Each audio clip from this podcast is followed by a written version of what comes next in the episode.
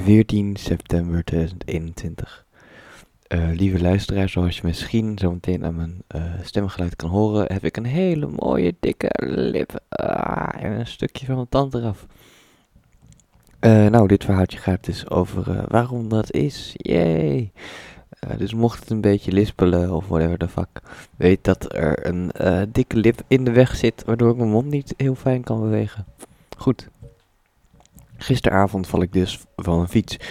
Ik ben op weg naar een nieuwe baan die ik, dat, uh, die, ik dienwienig heb gescoord uh, als het gebeurt. Mijn schoudertas zwaait om mijn arm heen en belandt tussen de spaken.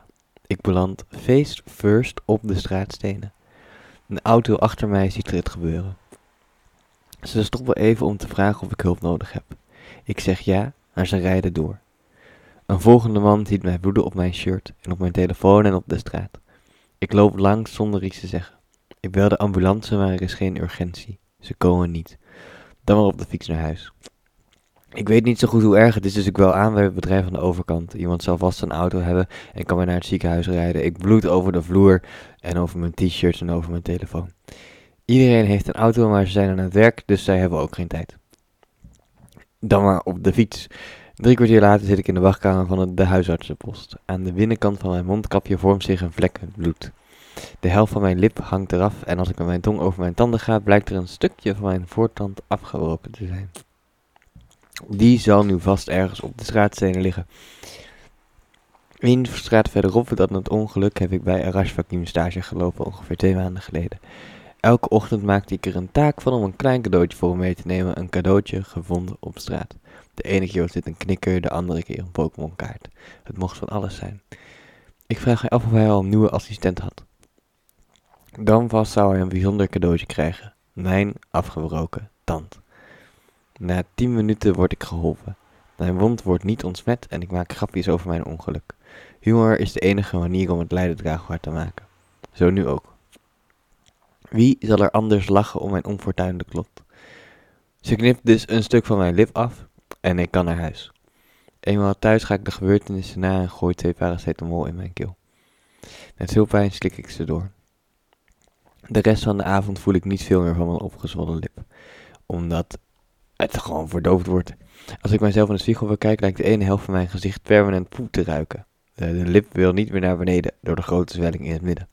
Een onvrijwillige houding van mijn lippen, omdat de middelste natuurlijk zo opgezwollen is.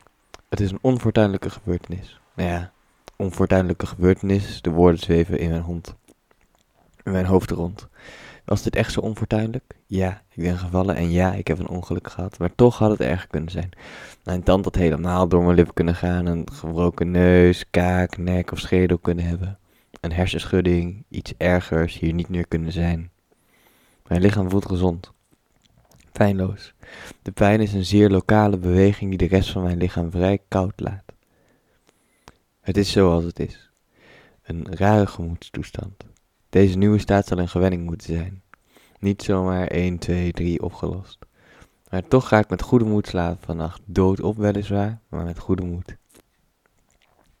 Misschien zal ik wakker worden van de pijn, nog een pijnstiller nemen. Maar toen het gebeurd was en ik een beetje van de schok was, schok was bedaard, besefte ik mij slechts één ding. Eén gedachte bleef er achter in mijn hoofd. Ik moet hierover schrijven. Dat is het enige wat telt. De rest kan mij gestolen worden. En als mijn vingers het nog doen, of als mijn hand het nog doet, als er nog één hersencel nog werkt, dan zal ik schrijven. Schrijven tot ik een ochtend zweeg, schrijven tot ik, dat er genoeg woorden op het papier staan om een hele boekenkast te vullen. En schrijven tot ik uiteindelijk een schrijver ben.